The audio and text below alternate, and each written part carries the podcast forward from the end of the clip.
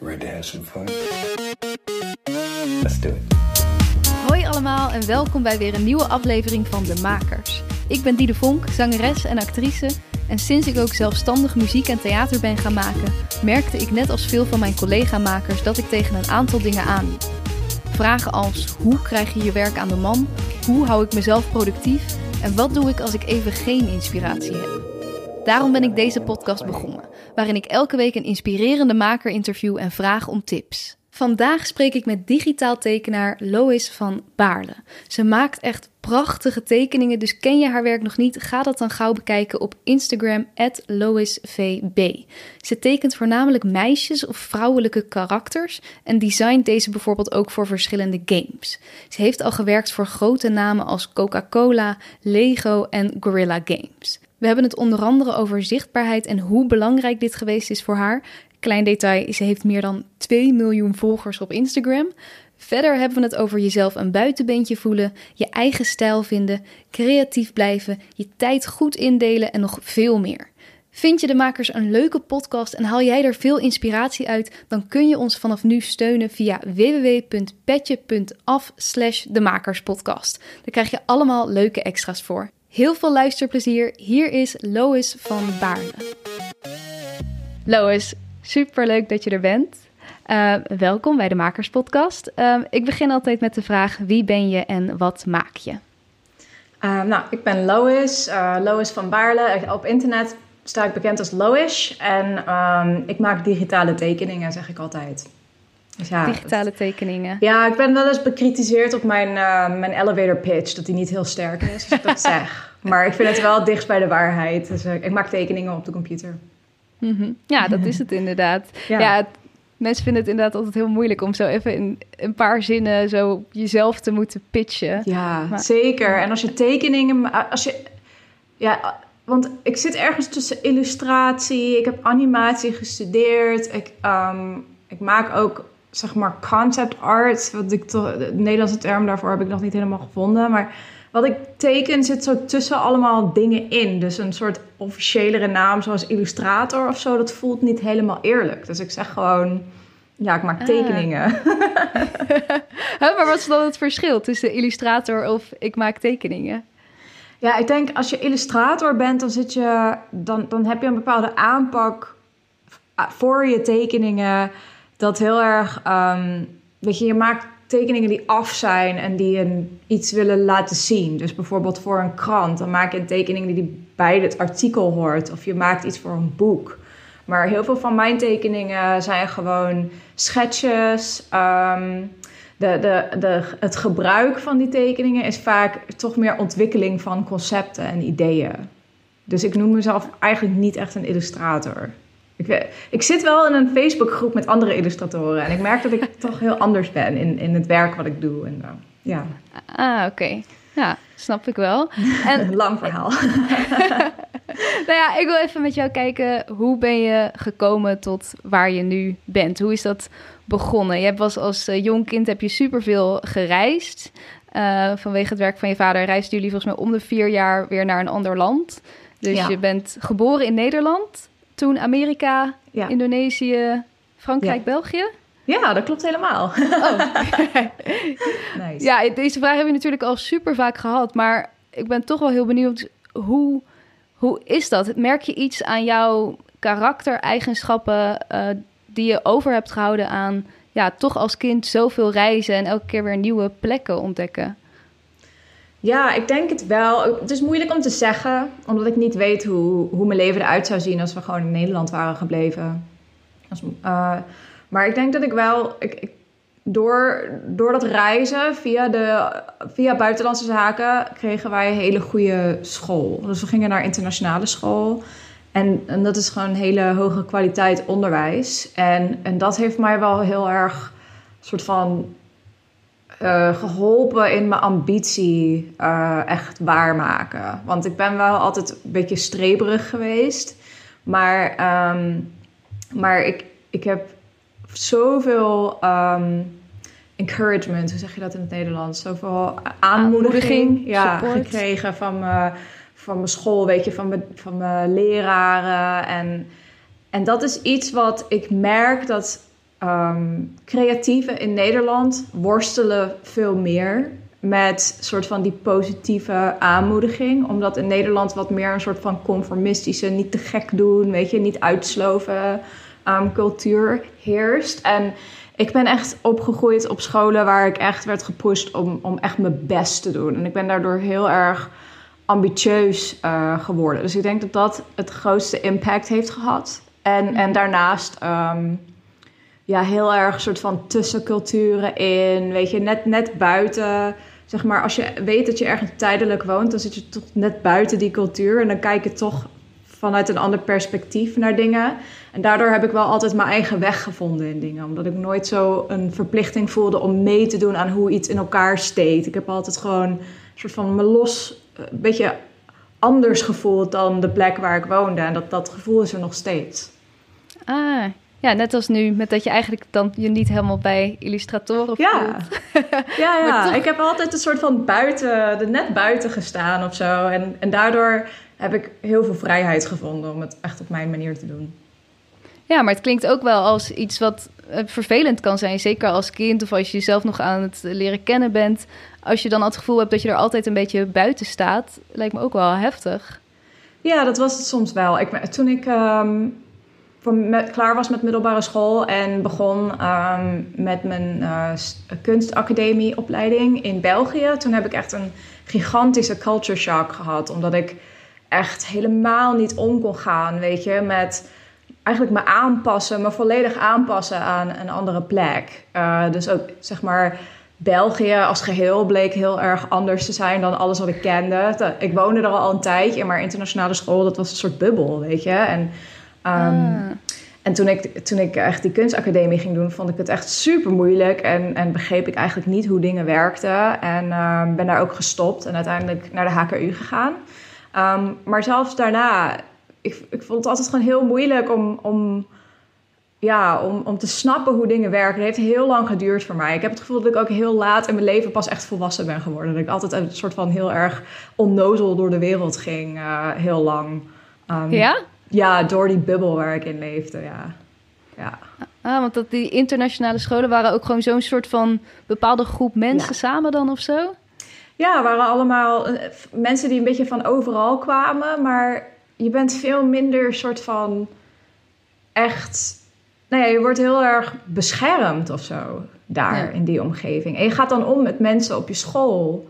Dus je kent je buren eigenlijk niet zo goed. Of de mensen die echt, weet je, mensen, die, die internationale uh, scholieren, die wonen dan een beetje overal. En dan word je opgehaald door een bus en word je naar school gebracht. En daar is alles totaal anders dan, zeg maar, de directe omgeving waar je in woont. Ah, ja. En uh, dat, dat, was echt een beetje een beschermde bubbel. Dat was het echt, ja. Ja, dat kan ik me wel voorstellen dat dat dan een overgang is om daar dan opeens soort van uit te stappen en ook een beetje wel op je eigen benen te staan en wel opeens helemaal in een groep te moeten integreren. Want dat is natuurlijk gewoon zo op kunstopleidingen. Dat je dan zo met elkaar een soort van nieuwe bubbel moet creëren. Ja, precies. En je werd dus vanuit school was het allemaal, nou ja, de, de ambitie werd heel erg gestimuleerd. Ook op het gebied van, van kunst en uh, het tekenen. Ja, zeker. Heel erg. Ik heb altijd wel, uh, weet je, vanaf een jonge leeftijd heeft iedereen altijd gezegd van je bent er zo goed in, je bent er zo goed in. Ik heb altijd leraren gehad die dat aanmoedigden. Op, middelbare school concentreerde ik me ook totaal niet tijdens de lessen. Maar ik ging gewoon de hele les tekenen, weet je. En en dat mocht, dat accepteerde ze. Want ik, ik, ik leerde, ik ben ook sowieso iemand die heel erg houdt van um, het zelf leren. Dus ik, ik ging dan gewoon naar huis en dan ging ik het boek opengooien en dan leerde ik het zelf wel wat ik moest weten. Ah, ja. Dus ik kreeg altijd wel goede cijfers, maar in mijn hele omgeving werd het geaccepteerd dat dat echt mijn ding was, werd het aangemoedigd. En um, mijn, op middelbare school waren mijn, um, mijn art teachers, mijn kunstleraren, uh, vak ja, hoe noem je dat nou? In het Nederlands zou dat tekenen, tekenen zijn, denk ik. Ja. ja. Die, die heeft uh, gezegd van je moet animatie gaan doen. En dat ben ik ook gaan doen. Dus daardoor, zo ben ik echt terechtgekomen in het leven die ik nu heb. Ah, oké. En je ging dus naar Gent. Dat was, het, dat, daar, dat was het niet. Lag dat aan de school of aan de mensen? Heel veel dingen. Ik denk uh, deels aan mezelf, want ik was er gewoon nog niet klaar voor. Uh, ik, ik was gewoon het was een hele uitdagende school. En dat is waarom ik het wilde, weet je. Ik wilde echt die, uit, die uitdaging aangaan. Maar het was toch net niet... Uh, paste niet bij mij. En ik, had er, ik wist eigenlijk nog niet wat bij me paste. Dus toen ik begon, kwam ik daarachter doordat, ik, ja, doordat het niet werkte. Dus het waren heel erg... Um, ik ben zelf heel commercieel ingesteld. Ik hou gewoon van, ja, van Disney-films. Ik hou gewoon van mooie dingen om naar te kijken. Het hoeft geen extra diepgang te hebben van mij. Um, tenminste, ik hou wel van dingen met diepgang, maar ik, ik, maak dat zelf niet. Ik voel me heel erg aangetrokken tot gewoon commerciële vorm van tekenen. En dan vonden ze daar niet zo fijn. Digitaal vonden ze niet fijn. Uh, ik vond het ook heel moeilijk om met ze te communiceren, want er is sowieso gewoon een gigantische cultuurverschil tussen Nederlanders en, en Vlamingen. En dat voelde ik daar echt. Ik, ik wist dat eigenlijk niet totdat ik het meemaakte, hoe, hoe groot die verschil is. Waarin merkte ehm, je dat het meest? Ja, een gebrek aan directheid. Mm. Nederlanders zijn heel erg pragmatisch en direct. Dus die willen gewoon voor, omdat dat gewoon beter werkt, gewoon dingen direct zeggen en gewoon geregeld krijgen. En Vlamingen zijn heel erg conflictvermijdend. Ze zijn veel meer, ja, ehm, veel meer indirect. Dus ik, ik, ik had ook heel veel feedback nodig en input van wat doe ik nou verkeerd. Want zij vonden mijn tekeningen niet zo leuk. En er was heel veel spanning daardoor. Hele lage cijfers kreeg ik dan. Maar ik kreeg niet echt een goede uitleg, weet je. Van wat, wat doe ik dan ah, verkeerd? Waarom? Wat willen jullie dan van me? Ja, dus uh, ik vond het allemaal heel vaag. Heel moeilijk om met ze te praten. En, en uiteindelijk dacht ik echt van, weet je, laat ook maar. Weet je, ja, ik ga gewoon... Uh, het voelde niet als, een, als de moeite waard om hun goedkeuring te winnen. Als ik toch niet wist wat ze precies wilden en niet kon oordelen of dat is wat ik wilde doen. Ehm, ja, en sowieso uh, de Belgische stijl van opleidingen is veel meer academisch. is veel meer. Uh, ik had ook vakken zoals psychologie en uh, filosofie. En dat was ook best wel pittig. Weet je, dat eiste ook heel veel tijd. Dus achteraf, weet je, door alle, al die factoren dacht ik van ik moet het ergens anders proberen. Want het voelt toch net niet. Uh, ik denk niet dat ik hier een toekomst op kan bouwen voor mezelf. Nee, het paste gewoon niet. Nee. En dus toen naar Nederland. Ja. En uh, hoe heb je die keuze gemaakt om dan toen naar de HKU te gaan? Uh, nou, ik was sowieso in België en Nederland op zoek naar opleidingen, omdat dat gewoon, ik wilde in, die, in dat gebied blijven. En met studiefinanciering was dat gewoon de meest voor de hand liggende keuze. Um, maar, uh, en, en er zijn een beperkt aantal, vooral toen, dat was in 2004, een beperkt aantal animatieopleidingen. Ja. En um, HKU en KASK waren de beste, de twee beste. Dus toen KASK niet werkte, dacht ik van, nou dan wordt het waarschijnlijk de HKU. Toen heb ik iemand via internet die, die ik volgde op DeviantArt een berichtje gestuurd van, want ik wist dat hij op de HKU zat. Ah. En ik vroeg aan hem van, hoe, weet je, ik, ik heb aan hem uitgelegd van alles, al mijn frustraties over KASK en gezegd van, is dat ook zo op de HKU? En hij zei nee. En toen heb ik echt gewoon per direct ben ik gestopt met mijn opleiding bij KASK en ben ik gewoon meteen uh, voor de HKU gegaan. Oh, wat goed. Ja, want ik wou zeggen, je gaat dan van de ene animatieopleiding naar de andere. Hoe weet je dan of dat beter is of dat het wel bij je past? Maar de, nou ja, daar had je dus een beetje uh, feedback van binnenuit uh, gekregen. Ja, zeker. Ja. Tof. En hoe was je daar als student? Want uh, je hebt animatie gestudeerd, maar ik zie nu vooral op jouw social media echt tekeningen en karakters die je maakt. Um, ja, hoe, hoe ontplooide je daar op school? Um, nou ja, ze waren op de HKU sowieso wel wat vrijer in wat je... Ze hadden zoiets van, als je dat wilt doen, dan moet je dat zelf weten. Dus ze oordeelden niet zo snel of, uh, of het mocht of niet. Als, als jij het wilde, dan, dan mocht je dat tekenen, maar dan moest je dat gewoon kunnen verantwoorden en uitleggen. Terwijl op de kast kon, dat mocht gewoon niet, weet je. Je mocht dat mhm. gewoon niet. Um, en en daardoor heb ik wel wat vrijheid gehad om het op mijn eigen manier aan te pakken. Maar ik voelde ook wel aan dat mijn docenten dat soort tekeningen die ik nu maak ook niet leuk vonden. Ze maakten er gewoon een beetje lullige opmerkingen over. Of vonden het, ze noemden het makkelijk. Dat soort, weet je, soort denigerende woorden. Elfjes en zo. Weet je, dat soort dingen zeiden ze dan. Mhm. Dus ik voelde wel aan dat ik niet met dat soort dingen aan moest komen. Of ik, misschien eerder van, ik had, het, ik had er misschien wel mee weg kunnen komen, maar ik wilde ook wel die uitdaging aan om dan aan hun te laten zien dat ik het ook anders kon. Dus um, ik heb veel ik heb vooral heel veel dat soort tekeningen waar ik nu voor bekend sta, heb ik echt in mijn vrije tijd gemaakt. Zo'n heel veel ehm, voor mezelf. En op, de opleiding zelf probeerde ik soort van te laten zien dat ik andere dingen kon. Dus Ah, ja. ik expres soort van andere stijlen, vrouwelijke karakters vermijden. Mhm. Uh, en achteraf gezien, ik ben wel blij dat ik dat gedaan heb, maar dat was misschien niet nodig geweest, zeg maar. Alleen ik, ik voelde gewoon die afkeuring, weet je, dus ik was daar heel gevoelig voor. Ja, tuurlijk. Je denkt toch op zo'n opleiding van, nou ja, die docenten zullen het wel weten. En eh, Ja. Nou ja, het is denk ik ook ergens wel goed om een soort van je horizon te verbreden en zo'n opleiding te gebruiken om ja, van alles uit te proberen. Dus het zal vast niet eh, negatief zijn geweest, maar wel goed dat je wel ja, ondertussen die, die eigen eh, tekeningen bleef maken. Want dat is wel ja, waar je Ja. nu je werk van hebt gemaakt uiteindelijk eigenlijk. Ja, ja, ik denk dat er heel veel mensen zijn die stoppen met tekenen wa- wat ze echt het allerleukst vinden, omdat ze een soort van die afkeuring krijgen. En dan moeten ze er weer later inkomen. En dat is volgens mij een stuk moeilijker. Uh, ik heb het altijd gewoon voor mezelf gedaan. Nou ja, in, in principe ook heel erg voor internet. Want ik was toen al bezig met mijn werkdelen op internet. Op DeviantArt was dat toen. Dus ik had daar Dat al een wel... soort, dat is een soort platform echt voor illustratoren, tekeningen en zo? Ja, voor, voor tekeningen. Um, het heeft wel een bepaalde reputatie, weet je. Er zitten heel veel van die, van die tekeningen op van, you know, van furries, gay furries. Dat zijn gewoon half, Ah. half dier, half mens soort karakters. Weet je, het is heel erg fantasy, heel erg anime, een soort bepaalde subcultuur. Maar daar had ik dus heel veel mensen die mij volgden... die gewoon het prima vonden wat ik maakte. Dus ik dacht wel van... Weet je, ook al voelt het alsof er geen plek is... voor mijn soort tekeningen in de wereld...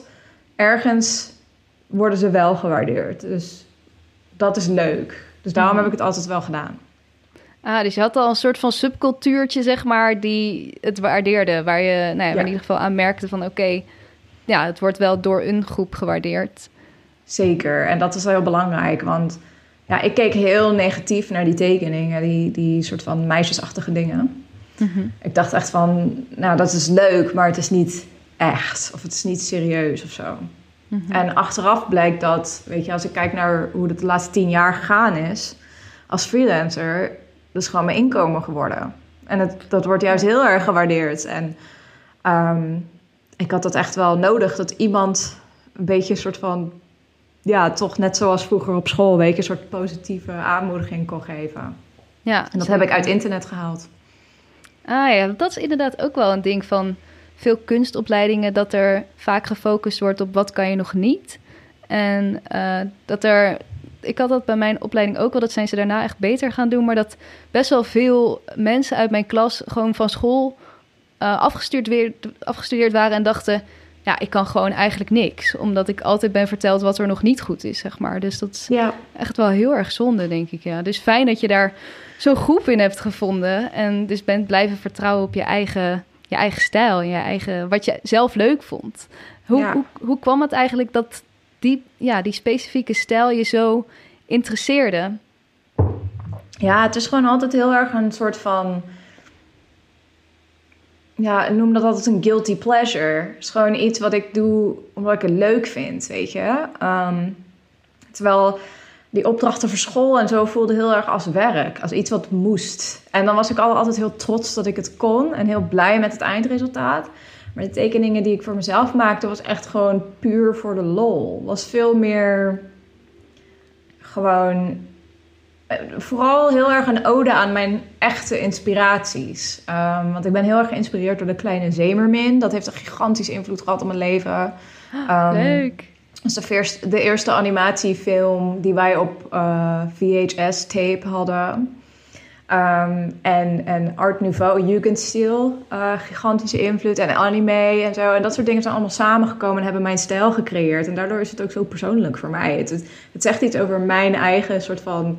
Het, het voelt als een soort manier om mijn stijl en mijn identiteit uit te drukken. En daarom heb ik het altijd veel leuker gevonden om te maken. En, eh, en daarom zou ik het ook altijd wel willen blijven doen. Want het voelt echt als een extensie van wie ik ben. Weet je, ik kan, ik kan heel goed me aanpassen aan een opdracht. Ik kan me heel goed, ik kan heel goed uitdagingen aan en iets totaal nieuws proberen. Maar tekenen wat ik wil is, is niet is, is meer een soort van een uh, self-expression. Uh, Echt een uitdrukking van mezelf, zelfexpressie. Ja. ja, dat kan ik me echt goed voorstellen. Nou, vet. En oké, je bent afgestudeerd van, van de HKU en toen? Hoe, hoe, want je was dus op school eigenlijk best wel andere dingen aan het doen dan online. Uh, ja, hoe heb je toen je eerste, hoe ben je begonnen als freelancer? Um, ik heb um, nou ja, me als eerste ingeschreven bij de KVK. Dat ging echt, zoals we het al over hadden, echt ongelooflijk makkelijk. En toen dacht ik, oké, nou nu ben ik freelancer. Mhm. Ehm, en toen heb ik gewoon eigenlijk...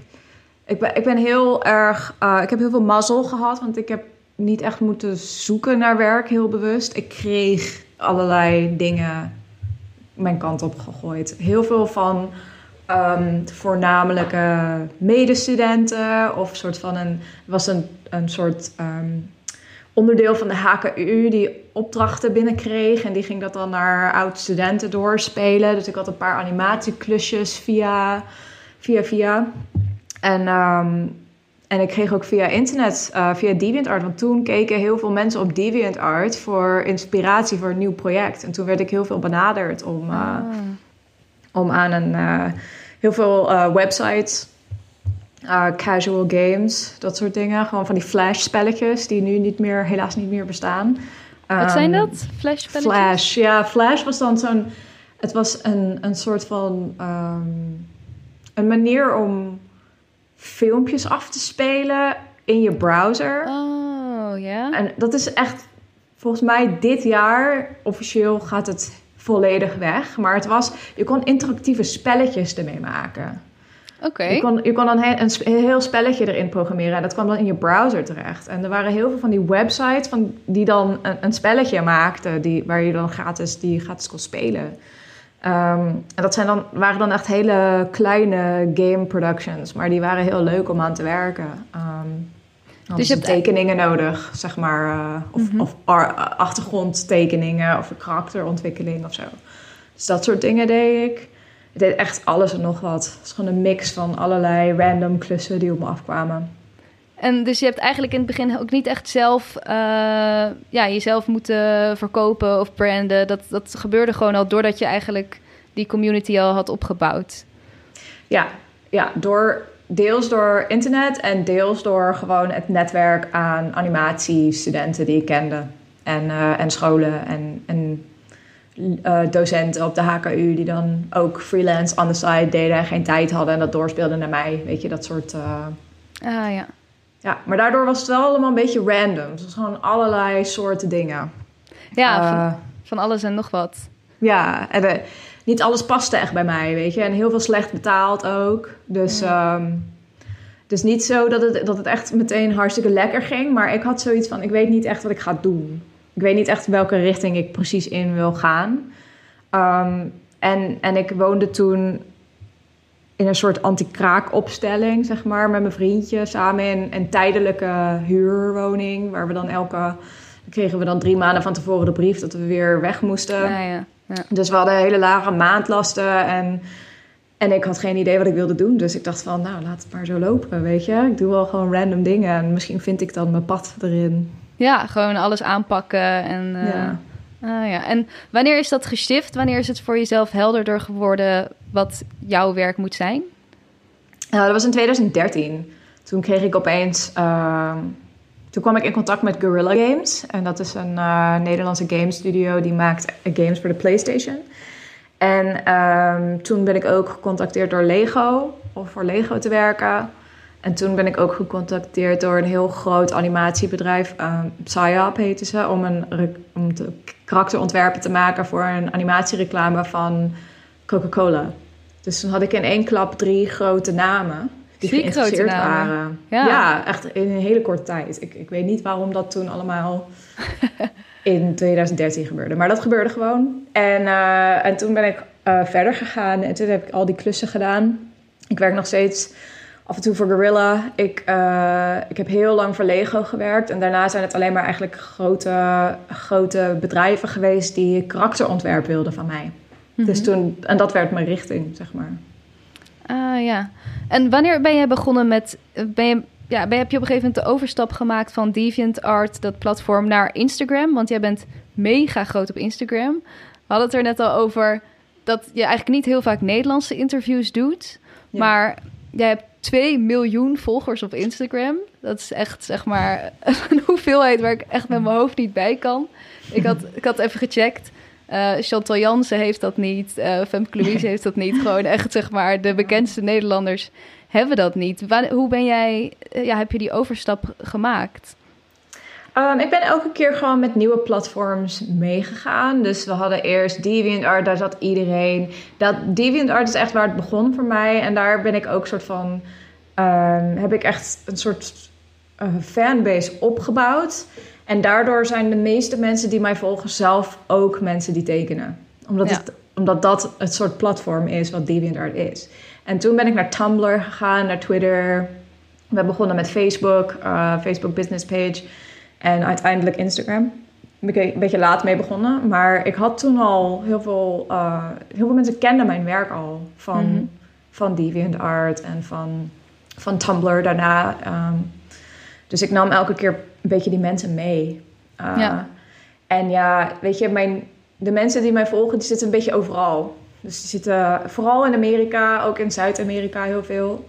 Um, gewoon een beetje overal. Dus, dus het is niet vergelijkbaar met, denk ik, iemand zoals Chantal Jansen of zo. Want die heeft dan, zeg maar, heel veel volgers in één land. En, ja, ja. en dan ben je wel, dan heb je denk ik meer invloed. Maar ik heb, ik heb zo'n beetje overal in die art community. Dus ik heb wel invloed in de art community. Precies, jij hebt... Ja, maar daarbuiten ben ik gewoon een, een random mens, weet je. dus dat is toch heel anders. ja, snap ik. Ja, is ook niet te vergelijken misschien. En hoe komt het dan dat ze vooral bij jou in Amerika, Zuid-Amerika zitten? Heeft dat een reden?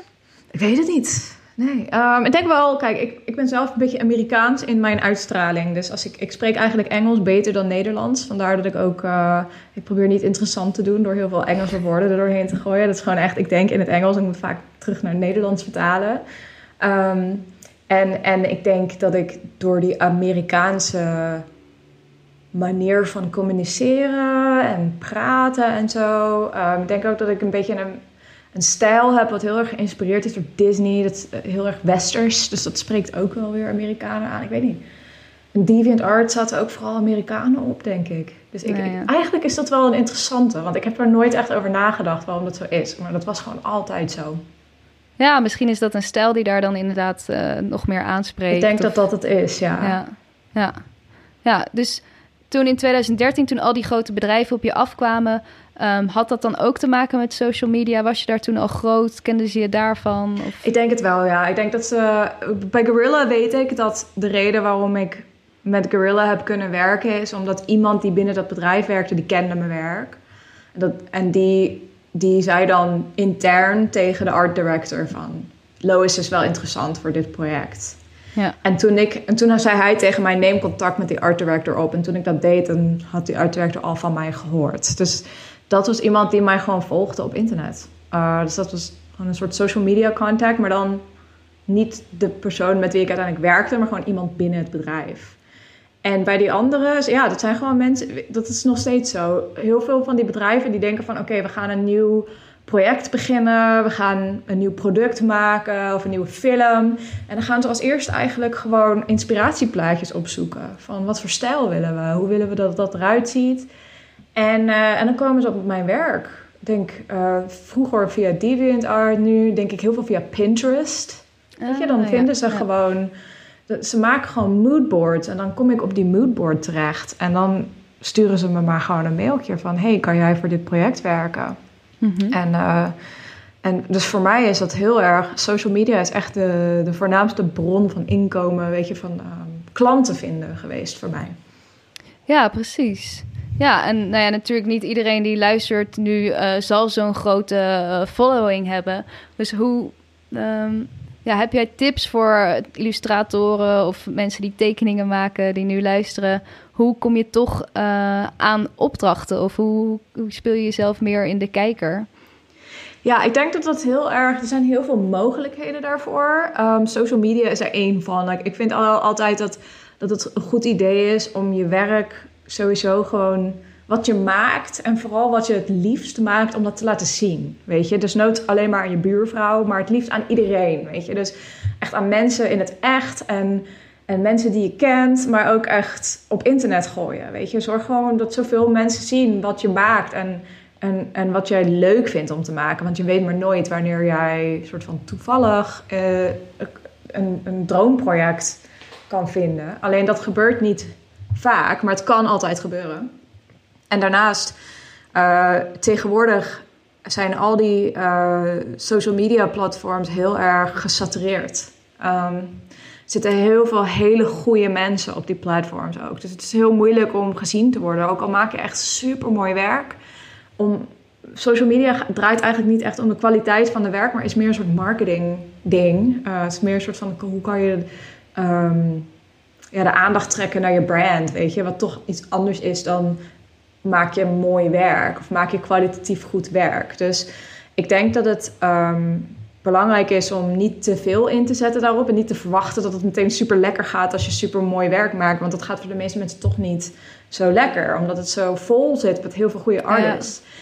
Um, dus tegenwoordig zijn er veel alternatieven. Je hebt Discords bijvoorbeeld, waar mensen werk met elkaar delen. Je hebt veel meer van die kleine communities. Waar, dat waar is je ook toch een via... platform of zo, Discord? Discord, uh, Discord is een, um, ja, dat is, uh, een soort chatroom uh, eigenlijk, maar met verschillende rooms. Dus, en daar kunnen allemaal mensen op en die kunnen dan chatten met elkaar en die kunnen praten met elkaar. En je hebt heel veel artist discords, dus je gaat er gewoon in en je laat je werk zien en je vraagt om feedback. En zo vinden mensen tegenwoordig steeds meer um, contacten in, in die artwereld dan, dan via Instagram bijvoorbeeld het helemaal propvol zit en, en het is heel moeilijk om aandacht te krijgen. En je hebt tegenwoordig heel veel superleuke evenementen. Zoals um, playgrounds heb je voor, voor de soort industrie waar ik in zit. Je hebt comic cons. Uh, dat soort dingen waar je naartoe kan en je kan echt face-to-face met mensen praten en je werk laten zien. Ah. En, en sowieso gewoon ouderwets, uh, weet je, wat ik eigenlijk niet heb gedaan, maar wel had gedaan als dat had gemoeten, is kijken van wat wil je doen, wat ligt het dichtst bij je en gewoon echt je portfolio naar die bedrijven sturen. Ja. Want toen ik in, toen ik in concept art uh, en, en karakterontwerp kwam, dacht ik van dit klopt gewoon, dit is helemaal mijn ding. Gewoon animatie was leuk, maar karakterontwerp is echt mijn ding. En dat was het eigenlijk al vanaf het begin. En daar was ik vroeg of laat toch wel op gekomen zelf. Als, als ik mhm. niet die mogelijkheden had gekregen. Um, dus het is belangrijk om na te denken van hoe, wat wil je doen. En dan ook echt die bedrijven te targeten die er zijn. Door, door gewoon echt contact te zoeken. Ah, en tegelijkertijd laat je werk aan iedereen zien. Op elke manier dan ook. Ja, dus laat je werk aan iedereen zien. En kijk ook eigenlijk nou, wat misschien een beetje jouw niche is of wat jou uniek maakt. En kijk welke bedrijven daar misschien bij passen of dat soort werk zoeken en die gewoon echt direct benaderen. Ja, en dat aan iedereen laten zien. Bij mij is dat. Ik heb altijd een. Ik ben begonnen met mijn werk delen op internet toen ik 17 was. En ik had heel veel jonge mensen die me volgen. Dat is nog steeds zo, heel veel jonge mensen. En um, heel veel van die mensen die mijn werk volgden toen ik op de HKU zat bijvoorbeeld, die zijn later in die industrie gekomen. Weet je, die zijn later art director geworden of niet eens ah. dat, maar die zijn, uh, you know, UX designers geworden in games. Weet je, allerlei random baantjes in de creatieve industrie. En die kennen mij nog van vroeger, weet je. En die denken dan snel aan mij. Dus ik denk, alles wat je nu deelt en alle mensen die nu je werk zien op internet, ook al heb je maar tien volgers, weet je, die mensen die, die gaan misschien niet nu zorgen voor een impact in, in, in, uh, met je werk, maar die, die gaan later wel, die, die weten dat nog, weet je, dat, wat ze hebben gezien bij jou. En die komen misschien in die bedrijven terecht of kennen iemand die die bedrijven kennen. Dus dat is allemaal, dat vind ik wel een soort inktvlek op social media altijd. Ja, ze zijn dus echt met jou opgegroeid ook en jou, hebben jouw ontwikkeling gezien. Want ik denk dat ook veel mensen misschien denken: ja, ik post het pas op social media als het echt, weet je, als ik klaar ben met mijn opleiding en het echt helemaal perfect is. Maar zo hebben ze dus ook jouw ontwikkeling kunnen zien, hoeveel beter je bent geworden in die jaren. Ja, en ik denk dat dat veel meer impact maakt. Um, en sowieso uh, wij zijn al, wij creatieve mensen zijn altijd een soort van uh, their own worst critics. Zeg maar mm -hmm. heel hard voor zichzelf. Dus je moet sowieso nooit denken van... Oh, ik wacht totdat ik goed genoeg ben. Je moet echt gewoon erin springen en kijken wat er gebeurt, weet je. Dan, dan kom je veel verder. Uh, want als ik ook had heel erg had gedacht van... Ik wacht totdat ik goed genoeg ben voordat ik ging werken had ik gewoon al die ervaring niet opgedaan. En had ik eigenlijk mijn uiteindelijke pad als creatieve ondernemer ook niet gevonden. Dus je moet het gewoon echt al gaande leer je, zeg maar. Dat vind ik wel heel belangrijk. Ja, dat is echt een goede. Ja. ja, want ook als ik, ik... Ik zie nu jouw werk en dan denk je misschien heel gauw van... Ja, zij is gewoon altijd al zo goed en dat, dat zal ook dat je natuurlijk van jongs af aan al heel veel talent had. Maar je bent ook ergens begonnen. En ja, je kunt niet jezelf vergelijken met het punt waar jij nu bent. als je pas net begonnen bent. Dus, uh... ja, ja, zeker. En ik heb. Um, nou ja, ten eerste, ik heb pas een, een livestream sessie gehad met Iris Compete. Ik weet niet of je haar kent, maar zij is, zij is ook een hele goede Nederlandse illustrator die oh, fancy uh, illustraties maakt. En we hebben samen een stream gedaan waarin we onze oude werk lieten zien. En gewoon echt gewoon al die super gênante dingen waarvan we zelf dachten van dit is zo slecht. En dit is echt uit mijn slechtste periode. En, um, en dan zie je ook dat iedereen begint ergens. Maar ook heel veel van de mensen die meekeken met die stream zeiden van... nou, ik vind het best wel goed, weet je. Dus laat ook maar zien dat je het zelf nooit 100% kan oordelen... als degene die het maakt of het goed is of niet. En... Um, ja, en ten tweede, kijk, heel, ik denk dat heel veel van werk vinden en creatief ondernemer zijn is niet per se alleen het werk wat je maakt, maar ook, um, ook hoe je communiceert en hoe je, uh, ja, zeg maar, ik, ik probeer altijd een beetje een soort van, uh, door, ik, ik, deel alles. Dus ik, ik maak ook dingen waar ik zelf niet heel blij mee ben, maar ik rond het af en ik zet het gewoon online en ik zeg gewoon van dit heb ik gemaakt. En dat doe ik eigenlijk al vanaf mijn zeventiende. En mensen zien niet altijd mijn allerbeste werk, maar die zien gewoon wel van... Oh, dit is een ontwikkeling die ze meemaakt, weet je. Dit, dit maakt hem menselijk of zo. En ik denk dat als je social media wil gebruiken om je werk te delen, dat, je niet alleen moet denken van deel je beste werk, maar laat ook gewoon jezelf als mens zien. Weet je, laat de ups en downs zien, laat je inspiratie zien, uh, laat je fouten ook zien. Dat vind ik altijd het mooie aan social media. Je hebt het gevoel dat je mensen leert kennen. Ja, ja, zeker. Ja, want net zei je ook iets over nou ja, niet altijd de, per se de allerbeste artiesten komen naar boven bij social media, want er is gewoon zoveel. Ja. Uh, dus het is ook deels ja, toch een vorm van marketing. Hoe hou je voor jezelf dan de balans van, ja, nu moet ik gewoon even iets posten eigenlijk, of uh, ik laat alleen mijn allermooiste werk zien? Um, ik ben sowieso, ik probeer alles te posten. Ook gewoon ruwe dingen en dingen. Kijk, nu ben ik bezig met een soort van nieuwe. Ik ben, ik ben deze maand nieuwe media aan het uitproberen. Zeg maar verf en zo. Want ik teken op de computer. Dus mhm. eh, nu ben ik aan, op papier aan het tekenen. En alles wat ik maak vind ik super lelijk, weet je. Maar ik zet het gewoon online. Want ik, ik heb gezegd van, nou, dit ga ik deze baan doen. En ik laat het gewoon zien. Dus eh, sowieso vind ik het belangrijk om, om actief te blijven. Dat is denk ik belangrijker op social media. Actief blijven en aanwezig blijven dan alleen de mooiste werk maken. En dat klinkt heel negatief. Ik denk dat er genoeg mensen zijn die dat horen en denken van nou dat is dan echt niks voor mij. Want dat, ik wil alleen mijn mooiste werk laten zien. En dat is ook misschien ook echt een nadeel aan social media. Want er is daardoor ook heel veel crap op social media. Heel veel lage kwaliteit content, zeg maar. Mm maar ik denk dat het belangrijker is om actief te blijven. En, en ik, ik zelf probeer gewoon drie keer in de week te posten. En uh, niet per se nieuwe tekeningen, want dat hou ik totaal niet bij. Maar meer zo van, weet je, af en toe een nieuwe tekening. En dan af en toe ook gewoon, gewoon zeggen van... Oh, ik, uh, ik heb een boek uitgebracht. Je kan hem hier kopen. Ja. Of uh, dit is een oude tekening van een paar jaar terug. Weet je, gewoon een beetje mezelf niet helemaal uitputten met alleen maar werk maken voor social media, maar ook gewoon een beetje uh, mix van verschillende content. En door te zeggen van ik, doe het, ik post drie keer in de week en ik plan vrijdagmiddag gewoon die posts even en dan post ik ze de week daarop. Hou ik er wel een beetje structuur erin en wordt het niet te overweldigend. Want als ik daarvoor deed ik wel van oké, ik wacht wel totdat ik iets nieuws heb gemaakt en dan zet ik het op social media. Maar dan zit je altijd met een schuldgevoel.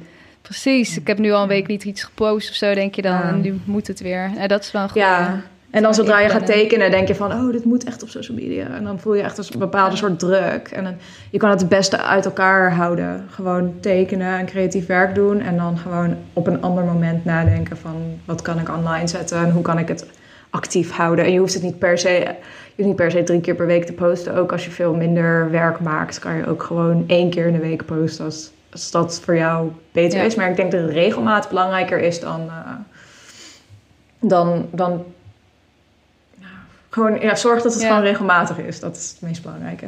Ja. En hoe hou jij de balans tussen ehm, het werk wat jij zelf het allertofst vindt om te maken, gewoon je eigen passiewerk, zeg maar, en betaalde opdrachten? Of is daar met jou gewoon zoveel overlap in dat dat altijd ook ja, echt het werk is wat jij wilt maken? Um, nee, ik, ik, ik heb het nodig om af en toe uh, klantenwerk te doen. Gewoon voor mijn creativiteit is dat heel belangrijk. Omdat ik af en toe moet schakelen naar een soort van uh, een situatie waar iemand gewoon zegt van dit moet je maken. Weet je? En dan dat geeft mij een soort van rust. Maar voelt ook beperkend. Dus als ik dat te veel doe, dan wil ik weer mijn eigen ding doen. Maar als ik alleen maar mijn eigen ding doe, dan denk ik echt van. Ik, ik, ik leg de lat heel hoog. Dus dan word ik moe van mezelf. Um, en dan wil ik het liefst gewoon een klant weer die dan aan mij vertelt van... Nou, wat kan je met dit? Uh, ontwerp dit, uh, deze karakter. Um, ik heb zelf voor gekozen ongeveer een jaar geleden om minder klantenwerk te gaan doen, omdat ik eigenlijk te veel had. En ik, ik, was er, ik voelde gewoon veel frustratie over die opdrachten. En ik merkte dat het kwam omdat ik gewoon veel te veel had gepland en veel minder mijn eigen creativiteit prioriteit gaf. Um, en toen heb ik een Patreon opgezet. Um, en dat is een soort crowdfunding. Uh, mensen kunnen zich maandelijks abonneren op, uh, voor maar 5 dollar. Dus het is ook niet heel extreem veel. Um, en elke maand maak ik dan een tutorial en ik laat ze een beetje zien hoe ik dingen maak.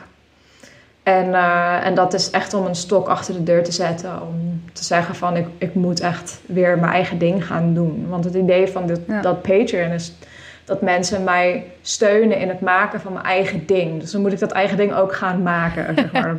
de verwachting is, er dan wel. Dus dat, dat, geeft mij, dat heeft mij um, daardoor heb ik gewoon mijn eigen creativiteit weer wat, wat hogere prioriteit gegeven. oh, goeie. Ja, want het is natuurlijk enerzijds gewoon uh, praktisch, omdat je er misschien wat mee kan verdienen en je dus iets minder afhankelijk bent van dat klantenwerk. Maar ja. tegelijkertijd is het dus ook een stok achter de deur om het wel te blijven ja. doen. Ah, ja, zeker. Want ja, vooral nu, hè, omdat ik zeg maar, ik teken, ik doe creatief werk, maar ik doe ook zoveel andere dingen. Ik, ik doe mijn social media, ik... Uh, ik heb elke dag mijn e-mail waar ik weer doorheen moet. Ik heb uh, mijn administratie die ik bij moet houden. Ik heb mijn website waar ik aan werk. Ik heb een nieuw boek waar ik aan werk. En ik heb zoveel dingen. Ja. Um, uh, dat ik heel makkelijk gewoon dat tekenen, even zitten en tekenen kan. Uh, dat dat soms onderaan de lijst komt te zitten. Omdat die andere dingen dwingender voelen of zo. Dus ik, ik moet ja. mezelf echt soort van. Want vroeger deed ik het gewoon. Dan had ik een opdracht en dan had ik heel lang weer niks. En dan ging ik gewoon in die tijd waar ik niks had, gewoon mijn eigen ding doen. Mm -hmm. Maar nu vult dat zich op met allerlei taakjes en zo. Dus ik moet echt zeggen van nee, nu uh, is het echt belangrijker om gewoon te tekenen.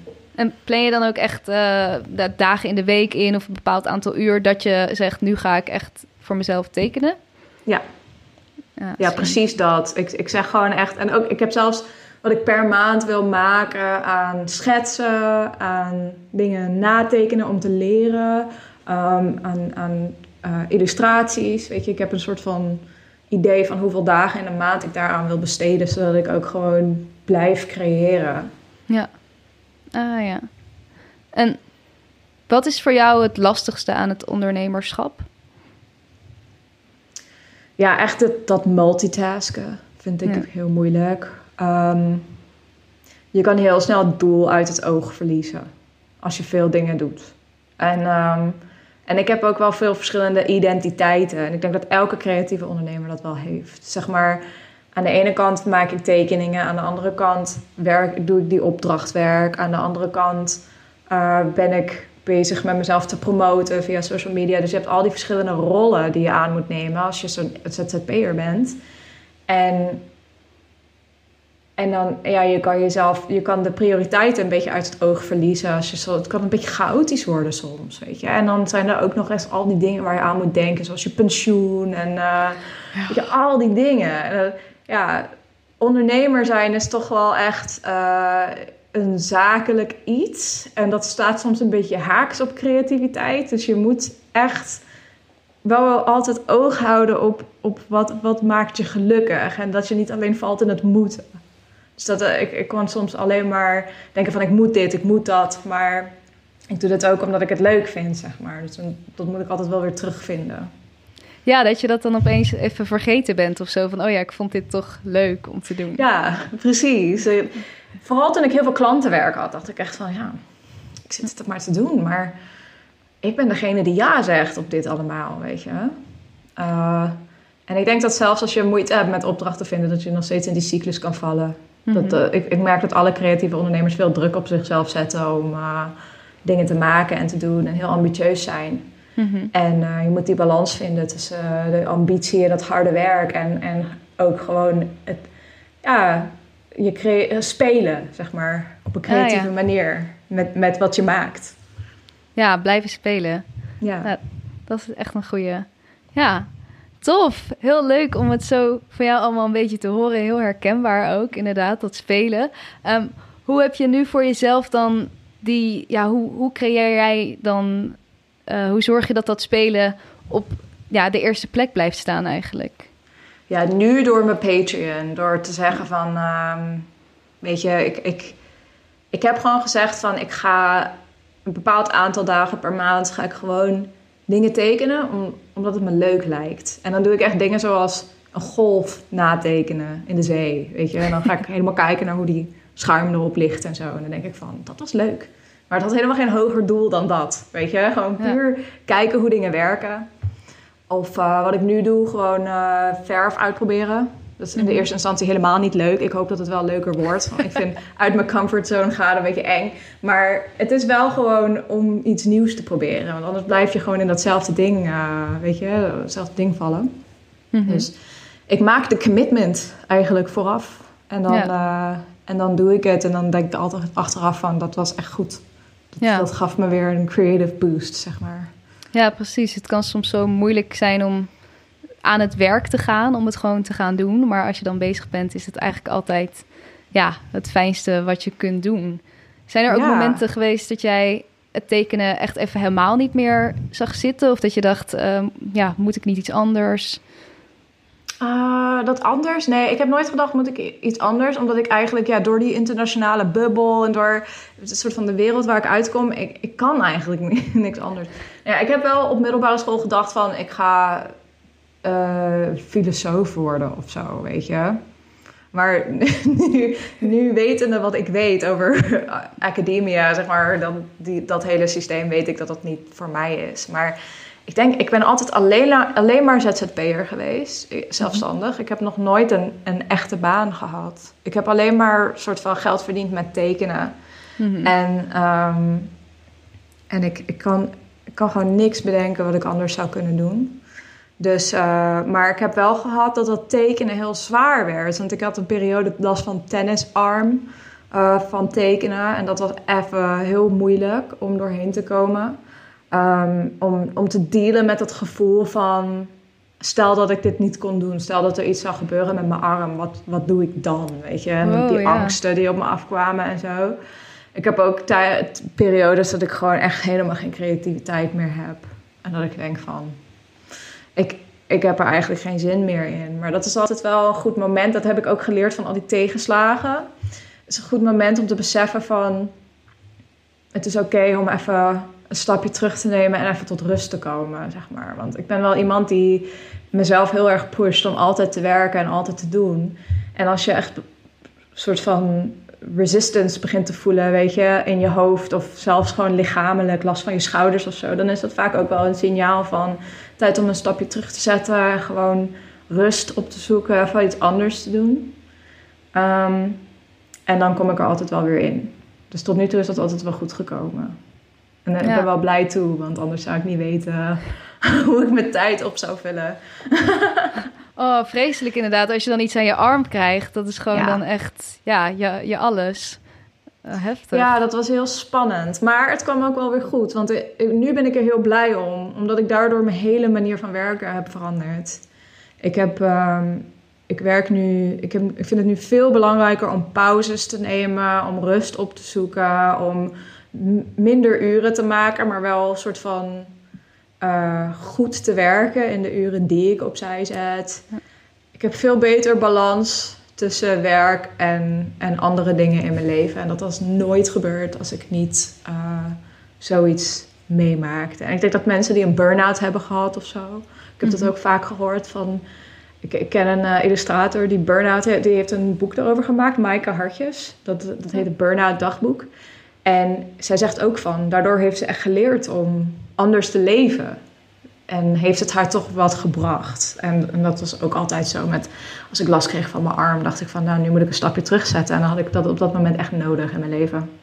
Ja, het zegt je dan toch ook gewoon weer iets, je fysieke lichaam, die een soort van signaal geeft van, oké, dit, dit werkt niet. Ja. Ja, mooi. Hoe dat, hoe dat toch gebeurt. En hoe dan ook je creativiteit weer terugkomt als je dan zo'n stapje terugneemt. Dat is ook ja, het is echt super belangrijk voor je creativiteit om het ook gewoon rust te geven en, en het te zien als iets wat. Als een soort plantje, weet je, die af en toe liefde, af en toe een beetje. Je moet het verzorgen. Het is niet iets wat eindeloos blijft geven, weet je. Het moet echt genurtured worden, het moet groeien, het moet evolueren. Zo kijk ik er altijd naar. Super mooi. Inderdaad, we vragen altijd zoveel misschien van je creativiteit, die moet dan meewerken of zo. Wees er gewoon even lief voor. Geef het water. Ja, geef het ja precies. Tof. Hey, we moeten een beetje gaan afronden. Ehm, is er tot slot nog iets, uh, een, een, tip die je wil meegeven aan mensen die nu luisteren? Of iets wat, wat jou veel gebracht heeft? Um, ja, is er nog iets wat je mee wilt geven? Um, nou, heel veel. Uh, ik heb heel veel ideeën over wat ik mee zou willen geven. Maar ik denk, ik denk in het verlengde van wat ik net zei, wat ik echt mee kan geven, is om, om altijd wel een beetje pols te houden op soort van moet je. Is het tijd om een stapje terug te zetten of een andere pad in te nemen? Ik vind dat dat vind ik het mooiste aan creatief ondernemer zijn. Is dat je die vrijheid hebt om een beetje te kijken van wat voor jou werkt.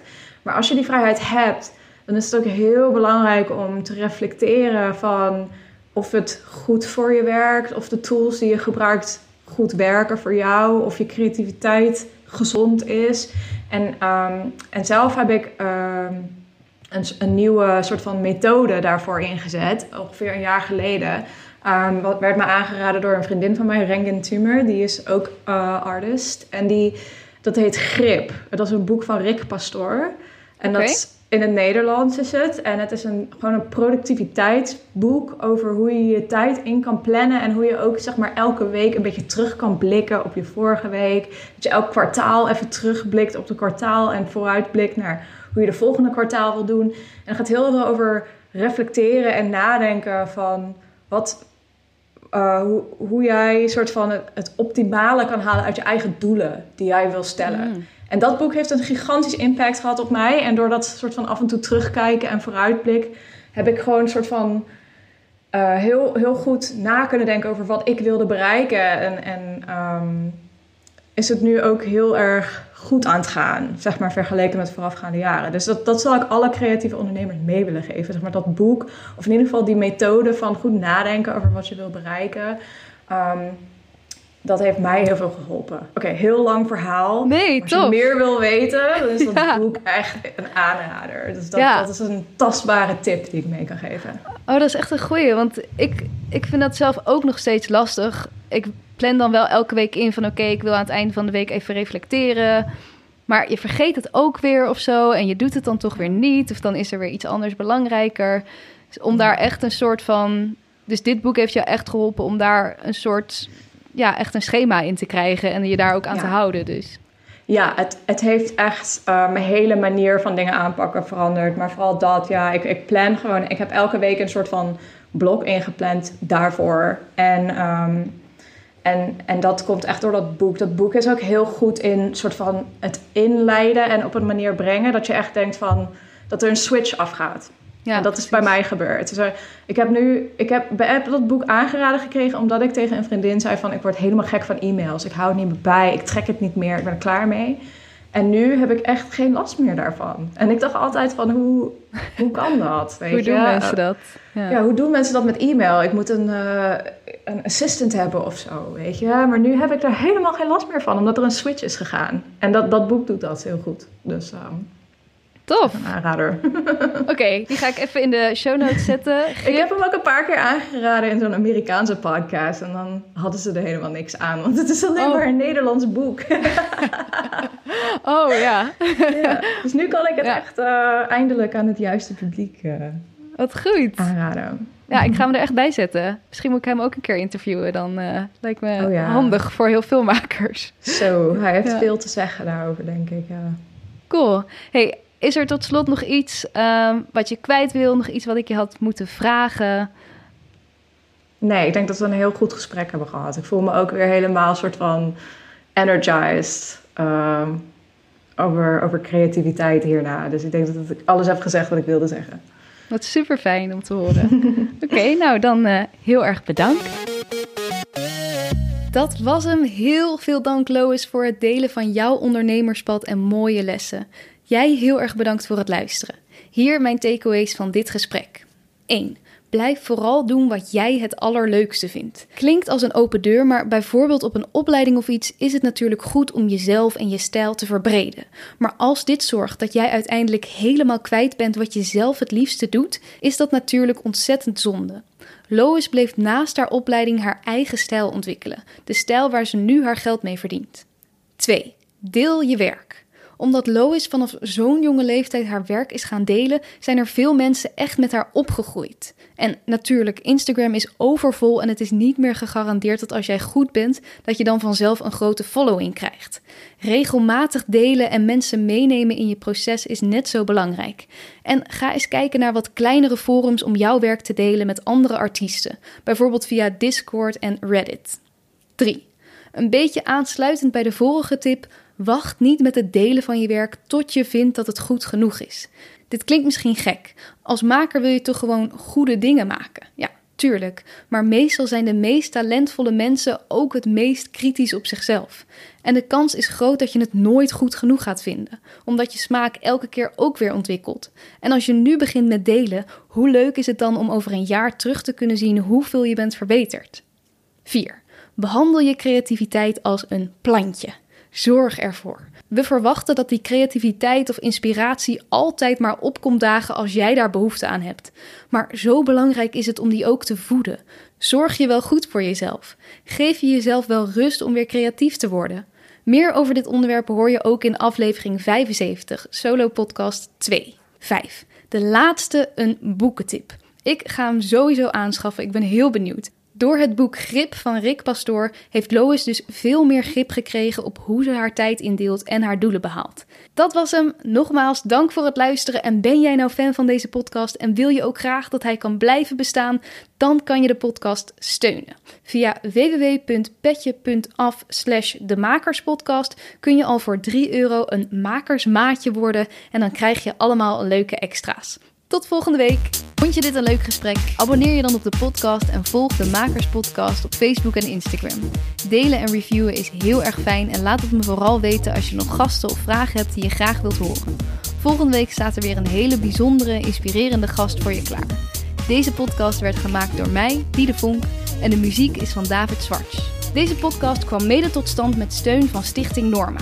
Ben jij uitvoerend kunstenaar en wordt jouw werk wel eens opgenomen en uitgezonden? Meld je dan aan bij Norma.